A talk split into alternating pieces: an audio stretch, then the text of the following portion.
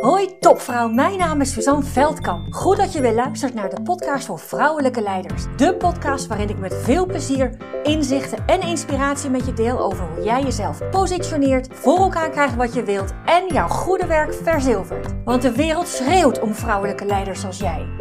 Ontdek hoe je tot in je tenen voelt wat voor een geweldige vrouw je bent. Hoe je op alle vlakken van je leven regie pakt. En natuurlijk hoe je dat allemaal positioneert zodat je jouw goede werk verzilvert. Inspireer anderen met jouw vrouwelijk leiderschap voor een gelijkwaardige wereld. Hey vrouw, goed dat je weer luistert naar de podcast voor vrouwelijke leiders zoals jij. Voor krachtvrouwen, prachtvrouwen zoals jij. Vandaag neem ik je mee in iets wat ik in één week tijd drie keer tegenkwam op drie verschillende plekken. En ik denk, dat kan geen toeval zijn. Dus laat ik daar mijn verhaal bij vertellen en mijn, nou ja, conclusie uittrekken of, of met je delen die ik voor mezelf al even geleden getrokken heb. En dat begon eigenlijk allemaal uh, aan het begin van de week. Het begon allemaal aan het begin van de week. En ik was op weg naar een Toastmasteravond. En ik stond voor het stoplicht. En toen kwamen er verschillende mensen voorbij op de fiets en wandelend. En ik keek naar hen. Ik kende ze niet. En wat ik zag, wat ik zag was ja, de schoonheid van mensen. Wat ik zag was de schoonheid van mensen. En niet zozeer, goh, wat waren dat nou mooie mensen zoals je dat op Instagram zou kunnen zien. Weet je, ieder mens is, is, zo anders. En wat ik van de ogen kon zien, ja, daar zat zoveel in. Daar zat, was, daar zat zoveel in, in, in af te lezen, in af te voelen, kan ik beter zeggen. En terwijl ik dat aan het uh, denken was, dacht ik ook, uh, realiseerde ik me ook, hoe anders ik voorheen naar mensen keek. Hoe anders ik voorheen naar mensen keek. Want ik had er altijd wel een oordeel over. Ik had altijd wel oordeel over. Denk, jeetje, wat een kapsel zeg. Had je niet even je haar kunnen doen? Echt? Die jas? Nou goed. Of ik had, wat zie jij er onverzorgd uit? Of, nou, ik, ik kan het allemaal zo gek niet, uh, niet verzinnen, want ik had er wel een, een oordeel over. Ik had er wel een gedachte bij. En dat is, nou ja, de mensen zelf die, die zo achter, of achterloos, maar die zo voorbij, overstekend voorbij komen, die hebben daar dan uh, op zich niet zo'n last van. Maar Waar ik natuurlijk zelf veel meer last van had, was dat ik zo hard oordelend over een ander kon zijn. En dat zegt dus enorm veel over hoe hard ik naar, over mezelf kon oordelen. Want op het moment dat je dat voor jezelf of voor een ander doet, gaat het dan maar vanuit dat je dat ook voor jezelf doet. En nou is het natuurlijk niks mis met een beetje zelfspot of zo, maar er is nog wel uh, een ander, het is nog wel een verschil met een keihard oordeel over jezelf. En dus dat was zo die maandagavond uh, voor dat stoplicht. Ik denk, oh ja, oh ja. Of dan als mensen dan of zo op het werk of bij een als ze dan ergens wat begonnen te vertellen of zo. En dan had, ik al van allerlei uh, dingen in mijn hoofd, uh, in mijn hoofd klaar. Dus dat was, dat was de eerste. Toen volgde in dezelfde werkweek de coachsessie, maandelijkse coachsessie die ik had. En daar was iemand en die zei van, nou, weet je, ik stoor me zo aan mensen die, die een heel uh, verhaal over zichzelf hebben en die het allemaal zo groot maken en zo, zo ja, uit, dingen uitvergroten of, of proberen te verdedigen. En zij was dan vooral geïnteresseerd in dat stukje, wanneer is het nou je ego, wanneer ben jij het nou, wanneer is het nou je authentieke zelf. En omdat ze als, als vaker naar mijn podcast ook geluisterd had en ik het daar wel vrij regelmatig over heb.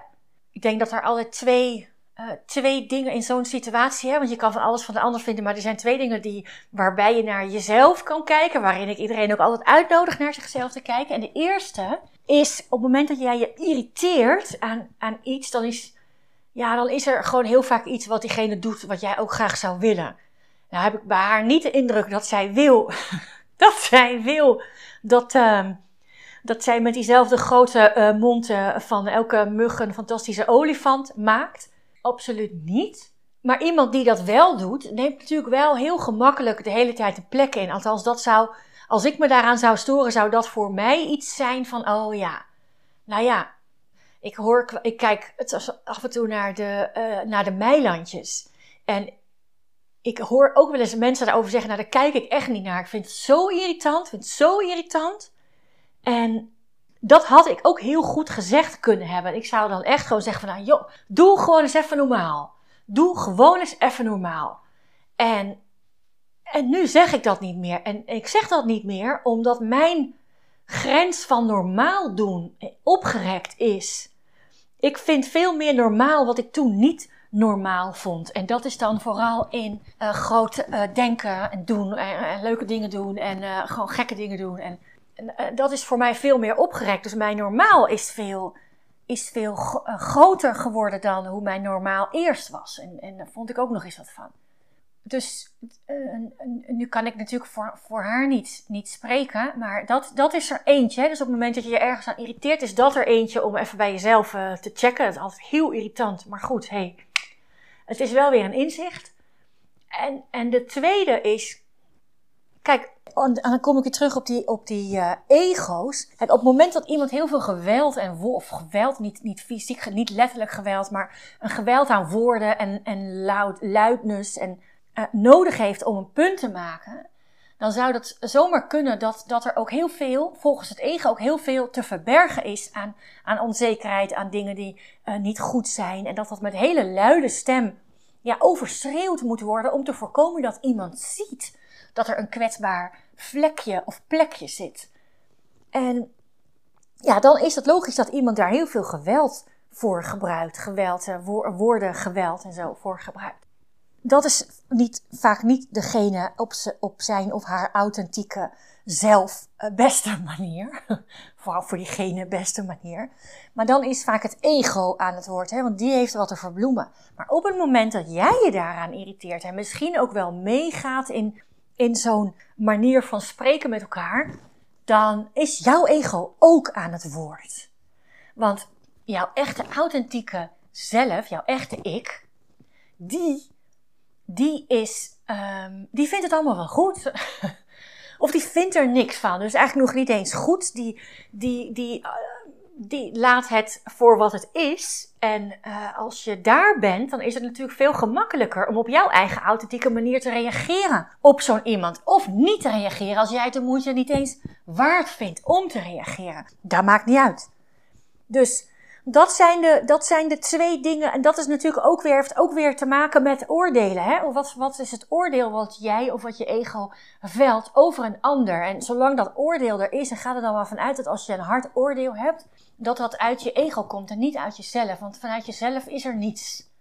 Is er niets. Zelfs in, in vormen, varianten die je uh, nog niet voor mogelijk had gehouden, dan nog is er eigenlijk geen reden om ja, daarop te reageren of jezelf daarin te verdedigen. Of, nou, en dat was, oh ja, dat is wat, en wat, wat ik een hele, hele moedige vond, is dat deze persoon in kwestie zichzelf gaat uitdagen om, als ze weer in zo'n situatie belandt, dat zij niet alleen zelf bij zichzelf blijft hè, en daar niet in mee laat gaan, maar dat zij vanuit haar authentieke zelf probeert die persoon te zien en dus ook op die manier vragen gaat stellen. En dat betekent niet verdedigen, dan wel erin meegaan in van die ander, maar nee, gewoon de vraag stellen die je eigenlijk gewoon wel hebt, maar die, die je niet kunt stellen of wilt stellen, omdat dat er zoveel geluid van die ander komt.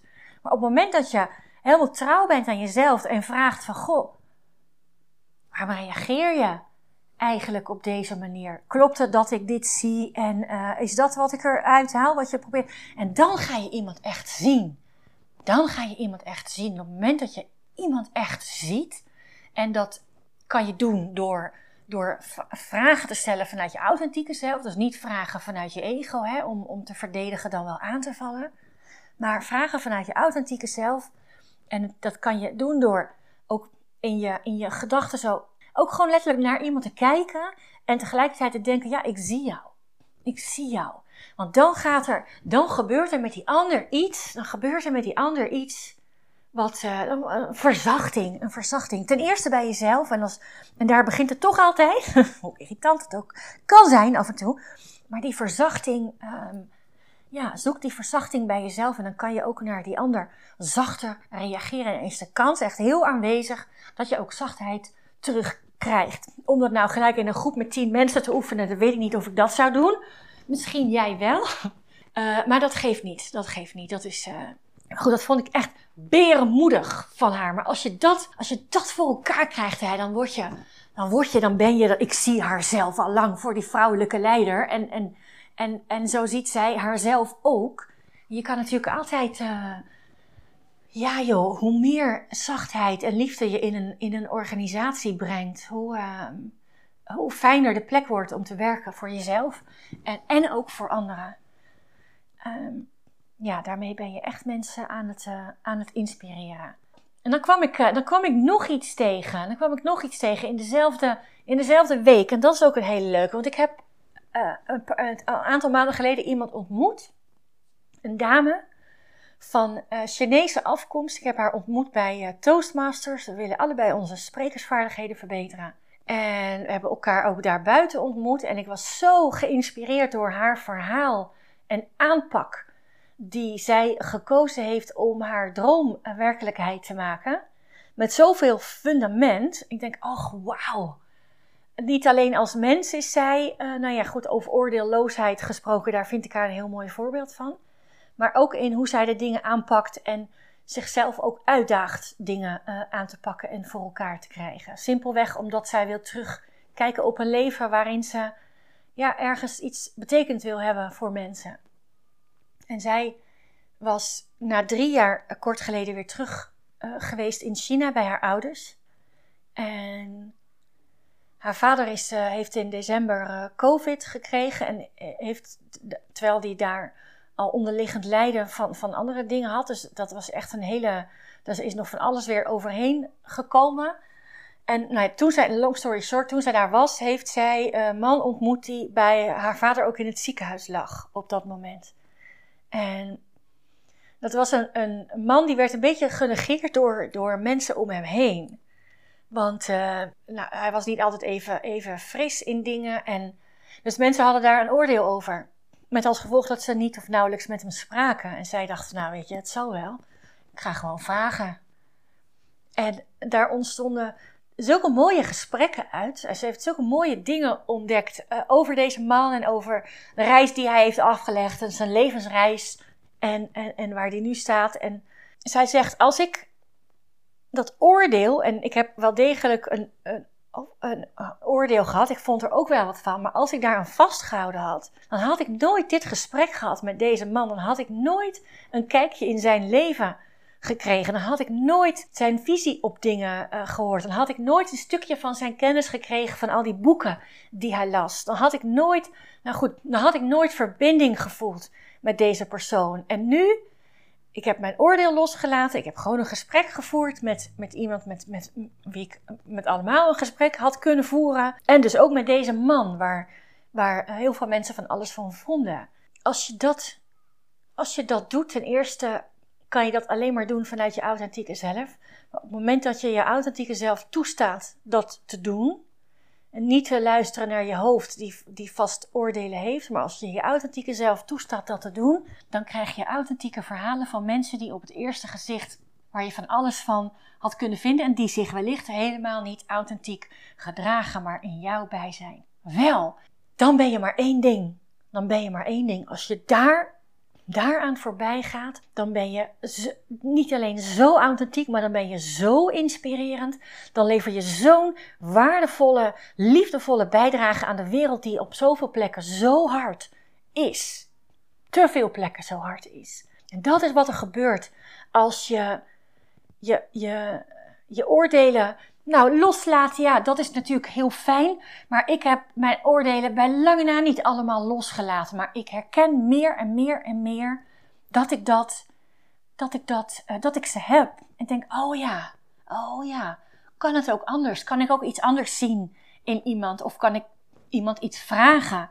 En op het moment, nou, dat is eigenlijk met alles op het moment dat je iemand uh, leert kennen, dan uh, kan je het overgrote deel van de oordelen wel loslaten over als je die had voordat je met iemand in gesprek raakte. Dus je bent dan, uh, ja, ik vind dan dat je fantastische inspiratie, be uh, inspiratie bent.